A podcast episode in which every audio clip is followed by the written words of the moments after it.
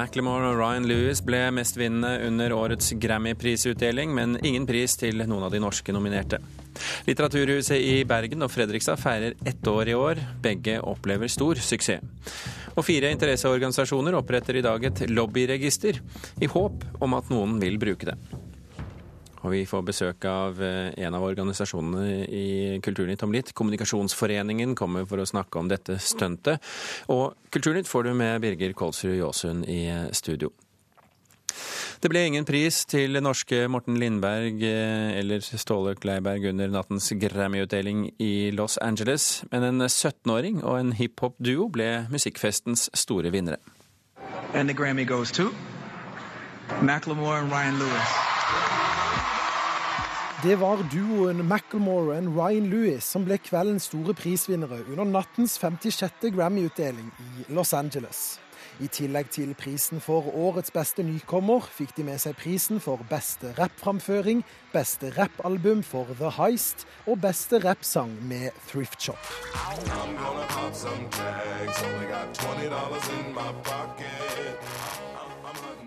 Den 17 år gamle artisten Lord stakk også av med to priser. Både for beste låt og beste soloprestasjon med låten Royals. Hun brukte anledningen til å takke sine inspirasjonskilder, bl.a. Bruno Mars og Justin Timberlake. This is the one thing that I did not expect the most about tonight. So thank you so much. Um, I think mostly to Bruno, to Sarah, to Katie, to Justin. I have been so inspired by all of your vocal work at some point in my life, so thank you. Duoen Daft Punk, selvfølgelig kledd opp i deres karakteristiske hvite drakter og hjelmer, tok imot prisen for beste album.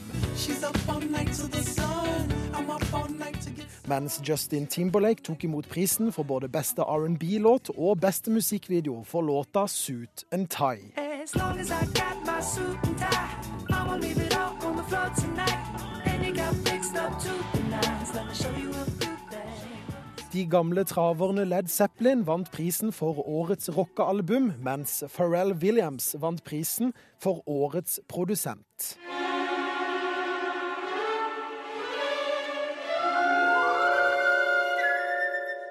Det ble ingen priser på den norske lydteknikeren og produsenten Morten Lindberg, som til sammen har vært Grammy-nominert 17 ganger.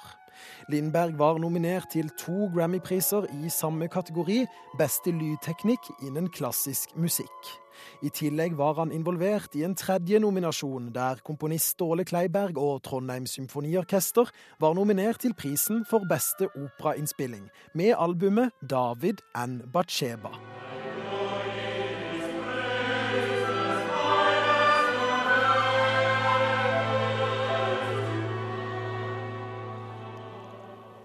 Var reporter eh, Christian Engebretsen som eh, hadde laget denne saken. Og mer informasjon om Grammy og nattens prisvinnere kan du lese på nrk.no. Audun Molde, musikkviter og førstelektor ved Nordisk institutt for scene og studio. Skal vi være lei oss for at Kleiberg og co. ikke fikk pris? Ingen grunn til å være lei seg etter den fantastiske Grammy-festen i natt. og Det er jo en stor ære å bare få være med i det selskapet her. Det er jo produsent og lydtekniker Morten Lindberg, din kollega ved NIS for øvrig, som står bak denne utgivelsen. Den 17. Grammy-nominasjonen han har fått. Hva er det med Lindberg amerikanerne liker? Det kan du si. Han lager jo veldig god lyd. da. Altså, han har spesialisert seg på, på god lyd på denne typen produksjoner. Og uh, som du sier, han jobber jo litt for oss på NIS. Vi erter han jo litt for å være den som har verdensrekord i og ikke har fått Grammy-pris, da. Men han har jo en del igjen til, til Quincy Jones, da, en som har 76 nominasjoner og ja, bør, 27 priser. Ja, han bør i hvert fall gå opp dit, syns jeg. Ja, han bør det. Var det noen overraskelser i nattens prisutdeling for deg? Det er jo alltid det. altså Det er jo 82 priser der. Men jeg tenker at som ble nevnt i innslaget, noen av de eldre vant jo priser. Og, og Paul McCartney vant tre priser. Og så har vi 17-åringen Lord som vinner priser. og Det er liksom hele spennet både i alder og musikksjanger og geografi. og Det er jo dette mangfoldet som er så fantastisk. Men det var ingen overraskelse at det ble Daft Punk sin store kveld. da. Nei, det var ikke det. Men hva, dette mangfoldet, hva forteller det om Grammy? Og, og Grammys hva skal vi si, posisjon i verden? Grammy har en helt unik posisjon i verden. og Det, er jo, det startet i 1959, og da er jo på en måte Spellemannsprisen og alle lignende prisers mor. Eh, og I tillegg til å hedre de som står foran scenen i rampelyset, så hedrer jo også veldig mange av de som er bak. Altså De har jo priser til arrangør, til platecoverdesignere, til lydteknikere, til produsenter. De har til og med en humanitærpris, som Carol King vant i år. Og for første gang så delte de også ut en musikklærerpris, en Music Educator-pris. Hvem som fikk den, husker du det? Nei, det kan jeg dessverre ikke huske. okay, vi, får, vi, får, lete det frem. Men, men jeg syns det er veldig flott at de, at de, dekker det store mangfoldet. Både de som står i rampelyset og de som er bak og sørger for at uh, dette kan skje. Hva slags status har Grammy-prisen? Man snakker ofte om den som liksom musikkens Oscar. Er vi, er vi, på det nivået? Ja, ja. Er, det blir jo starta som uh, etter modell etter Oscar og, eller Emmy-prisene. Så det er jo veldig ekvivalente priser, ja. Beatles ble jo da hedret med ærespris, eh, og ble for så vidt også på sett og vis eh, gjenforent under nattens eh, utdeling med de to gjenlevende. Var det på tide, 50 år etter gjennombruddet? Det bør jo gå 50 år før man gjør dette. altså Lord om 50 år fra nå. Nei, selvfølgelig var det på tide. Altså, dette er jo en del av en stor feiring som amerikansk TV kommer til å gjøre nå den neste uka. Det er jo 50 år den 7. februar siden Beatles landa på amerikansk jord for første gang. Mm. Og starta det som i kulturhistorien kalles for the British Invasion. Da, hvor eh, Storbritannia begynte å eksportere musikk til USA. Så det er jo en, en del av den feiringen. Eh, tusen hjertelig takk, Audun Molde, for at du kunne være med i Kulturnytt og fortelle litt om Grammy.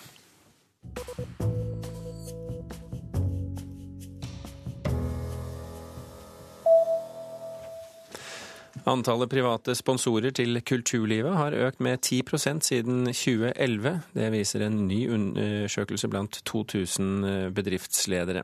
Det skriver Dagsavisen i dag. Det er Finnmark som har flest bedrifter som sponser kultur, mens Oslo og Akershus er de fylkene hvor færrest bedriftsledere oppgir at de har sponset kultur. De fleste bedriftene oppgir at de sponser amatørkultur i lokalmiljøet, sier professor ved BI Anne-Britt Gran til Dagsavisen. I dag starter rettssaken mot tidligere leder for Profetens Umma, Abdullah, Abudullah Hussein i Oslo tingrett. Han er tiltalt for å ha kommet med trusler og hatefulle ytringer mot blant andre to journalister og den norsk-somaliske forfatteren Amal Aden. Saken i tingretten vil blant annet handle om hvor grensene for eh, lovlige ytringer og ulovlige trusler går, og hatmeldinger. Ifølge forsvarer Jon Christian Elden kommer Hussein til å nekte straffskyld.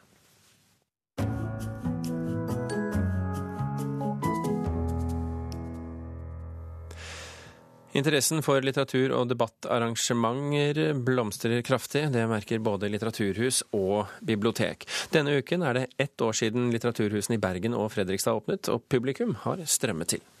Vi så jo dette bordet var ledig, da, vet du. Og da styrta vi i gang. Det er lunsjtid på Litteraturhuset i Bergen, og en venninnegjeng har endelig funnet plass ved et av de populære bordene i kafeen. Er dere her ofte? Nei. Nei. Det er fordi det alltid har vært så fullt her. Det har vært fantastisk. Denne veka er det ett år siden Litteraturhuset i Bergen åpna dørene. Og daglig leder Kristin Helle Valle estimerer at så mye som 100 000 har besøkt huset. Sjøl uten at kafégjestene er regna med. Det er det jeg hadde håpet på, men kanskje ikke turt å si helt høyt. Og nå strømmer publikum til litteratur- og debattarrangement over hele landet. I januar i fjor fikk også Fredrikstad sitt eget litteraturhus. Ja, det har vært en overveldende god respons fra publikum. Det forteller daglig leder for Litteraturhuset i Fredrikstad, Merete Lie. Fjoråret totalt har vi hatt eh, nærmere 30 000 besøkende innom. Og da tenker jeg ikke på alle de som har spist ned i restauranten, eller de som har vært innom bokhandelen, eller de lukkede møtene våre. Så det har vært veldig, veldig gode tall. Det er stjerneforfatterne som har trukket mest folk så langt.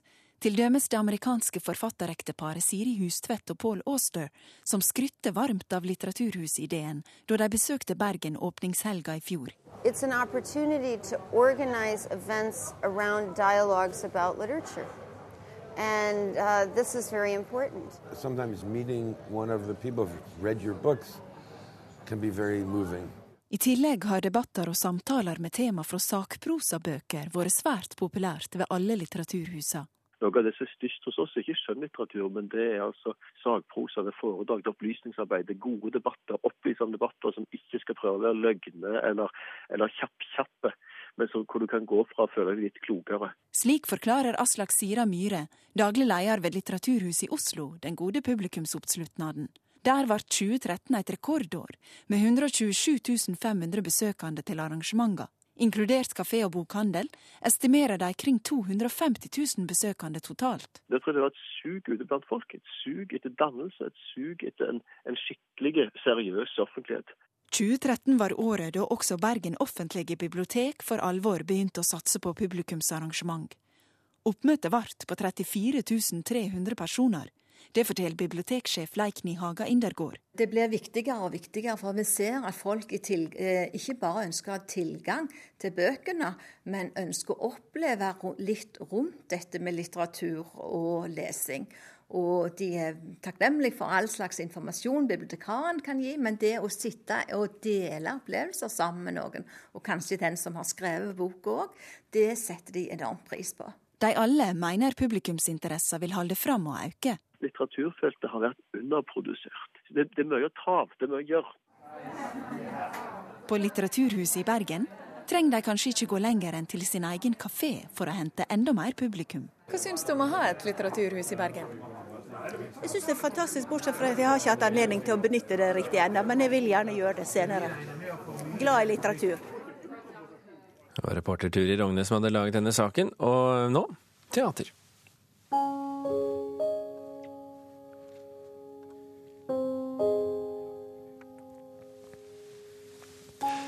Trenger vi noe å tro på i vår effektiviserte og sekulariserte verden? Det spør teaterkompaniet Asklepios Hane gjennom forestillingen Dei ugudelege, som vi hører litt eh, musikk fra her.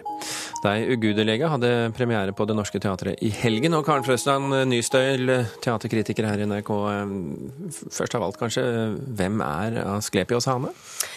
Kompaniet Asklepios Hane består av fem skuespillere som gikk sammen på Teaterhøgskolen og bestemte seg for å danne et, et fritt kompani ved siden av å være frilansere ved forskjellige teatre i Norge.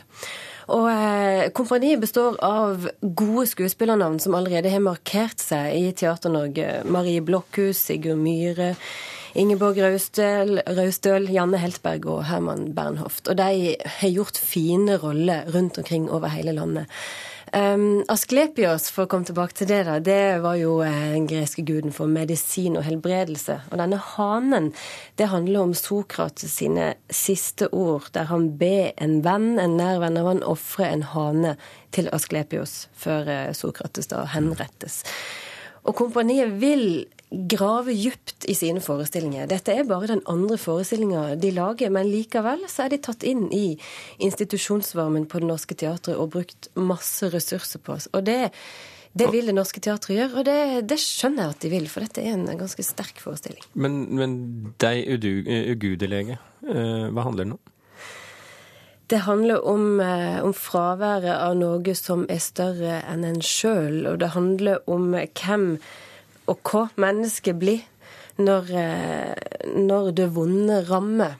Helt konkret så møter vi en pappa, Jon, som er fisker. Han har mista sønnen sin, den fire år gamle sønnen sin på havet, og går rundt og bærer på urna. Han vet ikke hva han skal gjøre. Han bor i et samfunn der det å tro på noe var, var avleggs for flere generasjoner siden. Så det forventes at han skal sette urna fra seg og gå videre sånn ganske effektivt. Skrive under på noe skjema, så har du glemt det, på en måte. Men det klarer ikke Jon. Han, han knuger denne urna inntil seg og drar ut på ei reise for å, å, finne ut om det er, er, noe han kan støtte seg til, noe, kan, noe, som kan hjelpe han i den situasjonen. Eller eventuelt får et møte med, med seg sjøl. Og um, kompaniet stiller store spørsmål rundt, rundt, sorg og rundt det om man trenger det metafysiske, man trenger noe som er større enn seg sjøl, når man kommer til sånne punkter i livet. Og det gjør, de, det gjør de gjennom bruk av kontraster, egentlig, først og fremst. Hva slags kontraster? Kontraster i, i alt av virkemidler. Dette er jo en forestilling der alle virkemidler er like viktige. Altså musikk og tekst og det fysiske spillet, scenografi. Alt eh, er på lik linje, kan du si. Kommer de til noen konklusjon? Eh, de kommer ikke til noen konklusjon, det, det, gjør ikke de. Og det tror jeg heller ikke de vil. De ønsker å stille store spørsmål. De plasserer lille Jon med denne store, rivende sorga i et veldig stort teaterrom, og så har de en balkong ved siden av som er en slags sånn radiostasjonaktig klubb. En slags sånn guddommelig verden eh, som sender ut sanger over en radio omtrent med totalt meningsløse tekster. Mens Jon står som den lille mannen i det store rommet ved siden av og rope etter noe som kan gi han hjelp. Um, og kontrastet mellom lys og mørke, og kontrastet mellom stillhet og en enormt godt lagd scenetekst gjør at det dukker opp spørsmål i tilhøreren. Og det, det gir jo fort godt teater. Og siden de ikke konkluderer selv, så gjorde du kanskje det for dem, i hvert fall ved å si at det er godt teater. Vi snakker om Asklepios Hane altså, og Det Norske Teatret, eh, der de hadde premiere i helgen. Karen Frøsland Nystøl, tusen hjertelig takk for at du kom til eh, Kulturnytt. Klokken er kvart over åtte. Du hører altså på Kulturnytt, og dette er toppsaken i NRK Nyheter akkurat nå. Rekordmange utlendinger ble utvist fra Norge i fjor. Økningen er størst blant den som er tatt for kriminalitet. Og i Ukraina har demonstranter tatt kontroll over Justisdepartementet nå, og demonstrasjonene sprer seg. Kinobesøket daler i Europas største filmland, Frankrike. Men staten og filmindustrien har likevel tro på kinoens fremtid. Denne måneden starter en storstilt utbygging av kinoer i hele Frankrike. 170 skolbarn ser på en populær ungdomsfilm på kinoen Escurial Panorama. Der man samtidig ruster opp.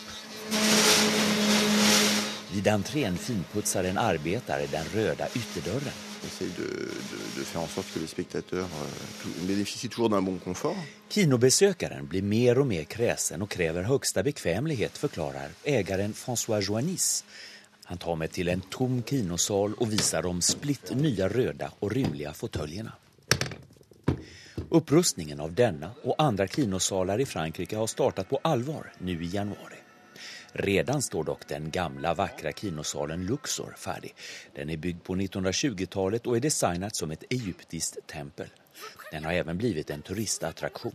Nu i januari har man även börjat bygga många nya salar. Paris har idag 369 biografer. Om ett år ska de bli 431 stycken. Med andra ord ska det då finnas en filmduk per 6 000 invånare. Detta kan jämföras med en annan metropol, London, som bare har en filmduk per 13 000 invånare. Lena Lutot, filmspecialist på tidningen Le Figaro, resumerer den aktuelle kinosatsningen så här. De har lagt ut miljoner, men hundratals miljoner i hele Frankrike for å bygge nye biografer. Og der har også veldig kända arkitekter og designer blivit tillkallade. Og da er det då med beste ljud, beste bild. Og det hender i det minste lilla stad. Fast den franske publiken har også mange nye krav. Euh, à 11h, c'est bien tel père. Euh... Bon, bah... Besøkeren Michelin kjøper sin entrébiljett. Escurial Panorama, som er nesten 100 år gammel, ligger på venstre stranden av Seinfloden. Eftersom jeg bor på boulevarden straks inntil, går jeg enbart på bio her i mitt kvarter. Jeg korser aldri Seinfloden for å se film på Paris høyre strand, sier Michelin. Ja, Lena Lytå på Le Figaro forklarer at publiken allt oftare krever nærhet til sin kino nu.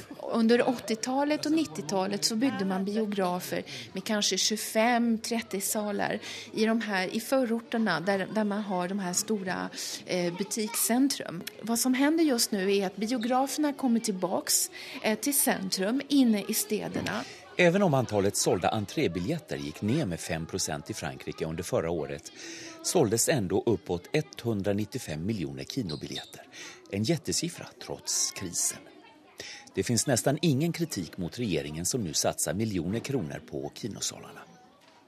Under det att skolbarnen kommer ut från sin film berättar Lena Lutot dock att staten och filmproducenterna ska spara på filmskådespelarnas löner. De här toppstjärnorna, skådisarna, de tjänar faktiskt mellan 2 miljoner, 4 miljoner, kanske 10 miljoner euro wow. per film. Och det är faktiskt så att det blir samma lön som i Hollywood. Systemet är helt upp och nedvänt och eh, det är många diskussioner just nu för att byta det här och dra ner deras löner. Reporter i Frankrike, det er som det pleier å være, Johan Tolgert. Vi bør få et eget lobbyregister i Norge. Det mener en sammenslutning av både Presseforbundet, Kommunikasjonsforeningen, Transparency International Norge og Redaktørforeningen, som i dag går sammen om en felles eh, aksjon. Og Therese, Therese Manus, daglig leder for Norsk kommunikasjonsforening. Hva slags aksjon er dette egentlig? Jo, Vi stiller oss opp foran Stortinget for å be de som skal møte politikerne om å registrere seg i vårt register. Vi har i dag lagt frem et eh, felles forslag for hvordan et slikt register kan se ut, og vi håper nå på å få økt oppmerksomhet rundt denne viktige saken. Hvorfor gjør dere det? Fordi vi mener at det er på tide, høy tid, med et eh, lobbyregister i Norge. Vi har et velfungerende demokrati, men vi tror det vil styrke demokratiet ytterligere hvis vi får enda mer åpenhet og gjennomsiktighet i politiske prosesser. Hva ønsker dere å oppnå med dette stuntet i dag? Vi ønsker å få økt oppmerksomhet eh, rundt eh, behovet for et lobbyregister. Vi håper at eh, politikerne kanskje selv tar initiativ til å legge ut sine møtelister. I hvert fall de som er for et register. Vi vet jo at det er mange politikere som er skeptiske til et register også. Og ikke minst så ønsker vi nå, når, håper vi, at når vi nå har lagt frem et konkret forslag til hvordan register, et slikt register kan se ut, at vi kan få en opplyst og innholdsrik debatt i tiden fremover om hvordan et register kan fungere i Norge. For det finnes registre i andre land, bl.a. EU og Washington. Men man kan ikke bare kopiere et register fra utlandet inn i Norge. Det må tilpasses norske forhold. Men hva skal vi som samfunn oppnå med et slikt eh, lobbyregister? Det vil jo føre til mer eh, gjennomsiktighet eh, i de politiske prosessene. Vi så jo senest nå i i fjor høst med Listhaug-saken. Masse tumulter rundt hvem som har påvirket i ulike saker. Så gjennom det forslaget vi legger frem til hvordan det kan se ut, hvor vi mener at både den personen som møter politikeren, men også den interessen man har, og de personene som har vært involvert i forkant, i forberedelsene, må registreres. At et slikt register vil gi veldig mye mer innsyn enn det vi har i dag. Eh, en av motforestillingene som har vært fremført, eh, er at det leder til et fullstendig unødvendig byråkrati som ikke leder til noe særlig ny informasjon. Hva er din mening? Vi tror ikke at det vi legger opp til vil føre til noe veldig mye mer byråkrati. Vi legger opp til et elektronisk system hvor den som skal møte politikeren selv må registrere alle postene. Med andre ord så vil det ikke føre til masse ekstraarbeid for politikeren som de kunne brukt på å møte, møte mennesker. og Eh, heller ikke en eh, veldig stor eh, jobb i å håndtere dette registeret. Noe mer byråkrati vil jo det alltid føre til. Man må drifte dette systemet, men vi har ikke tro på det argumentet. Du representerer altså kommunikasjonsbransjen, Manus. Flere av dine medlemmer er blant motstanderne av et slikt lobbyregister. Hvorfor vil foreningen dette likevel? Jeg vet faktisk ikke hvor mange av medlemmene våre som er motstander. Tvert imot, vi har fått veldig mye positiv respons for å jobbe med dette. og Det ble vedtatt av vårt landsmøte allerede i april at vi skulle jobbe for å få innført et register i Norge. Så Sånn sett så er ikke mine medlemmer imot. Det kan være at enkelte aktører i PR-bransjen er det, men tvert imot har jo denne, denne høsten så har vi sett at flere fremtredende PR-byråer også har snakket varmt for et lobbyregister. Therese Manus, lykke til med aksjonen i dag. Takk.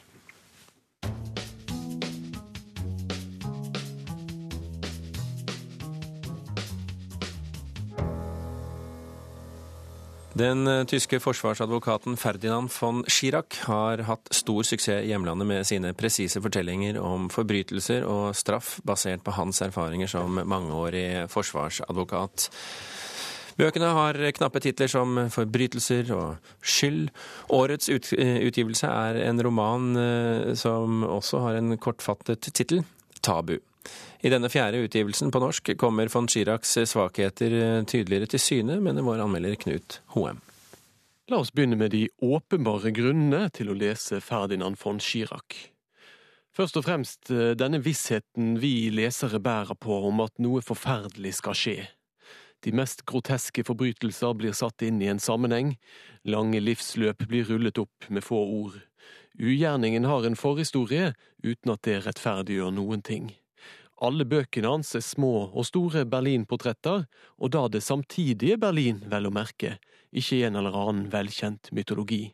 Et fotografisk portrett av en ung kvinne stirrer mot meg på omslaget, og dette er i tråd med bokens tema. Hvilke muligheter har fotografiet til å etterligne og manipulere virkeligheten? Alt det vi får vite om Eschborgs oppvekst i en fallert adelsfamilie som bærer en tragedie i sin midte, er umiskjennelig von Chirac og veldig tiltalende lesning. Også denne gangen munner boken ut i et rettssalsdrama, der forfatteren, som også er berømt forsvarsadvokat, får anledning til å komme med sitt hovedsynspunkt, som er at ethvert samfunns iboende galskap blir holdt i tømme av et fungerende rettssystem, så fremt det fungerer, vel å merke. Men da er vi allerede inne i det som jeg syns er svakhetene. For denne innsikten har forfatteren skrevet om før, og leseren fått med seg. Og så er det også noe med forholdet mellom kvinner og menn her. Von Chiracs mannlige og kvinnelige hovedpersoner oppfører seg i tråd med det litteraturkritikeren Anne Farsetås har funnet ut er typisk for mange senmoderne romaner av mannlige forfattere. Mennene er reflekterende, tvilende og tenkende mennesker, mens kvinnene er vakre og overfladiske, og ikke på samme måte opptatt av innsikt og meningsfylde. Kanskje er det derfor heller ikke dialogene mellom kjønnene sitter helt. Det er som om det svikter litt i selve håndverket. Er teksten litt dårlig sydd? Dette kan komme litt overraskende for den som har lært seg å sette pris på forfatterens forkjærlighet for det bestandige og solide. Ja, Det mente Knut Hoem, som hadde lest romanen 'Tabu' av Ferdinand von Schirach, oversatt av eh, Sverre Dahl. Kulturnytt runder nå av. I dag har vi fortalt at eh, Macclemore og Ryan Lewis ble de mestvinnende under årets Grammy-prisutdeling, men at det ikke var noen priser til de norske nominerte. Halvor Haugen, Hans Ole Hummelvold og Birger Kolsrud Aasund takker for følget.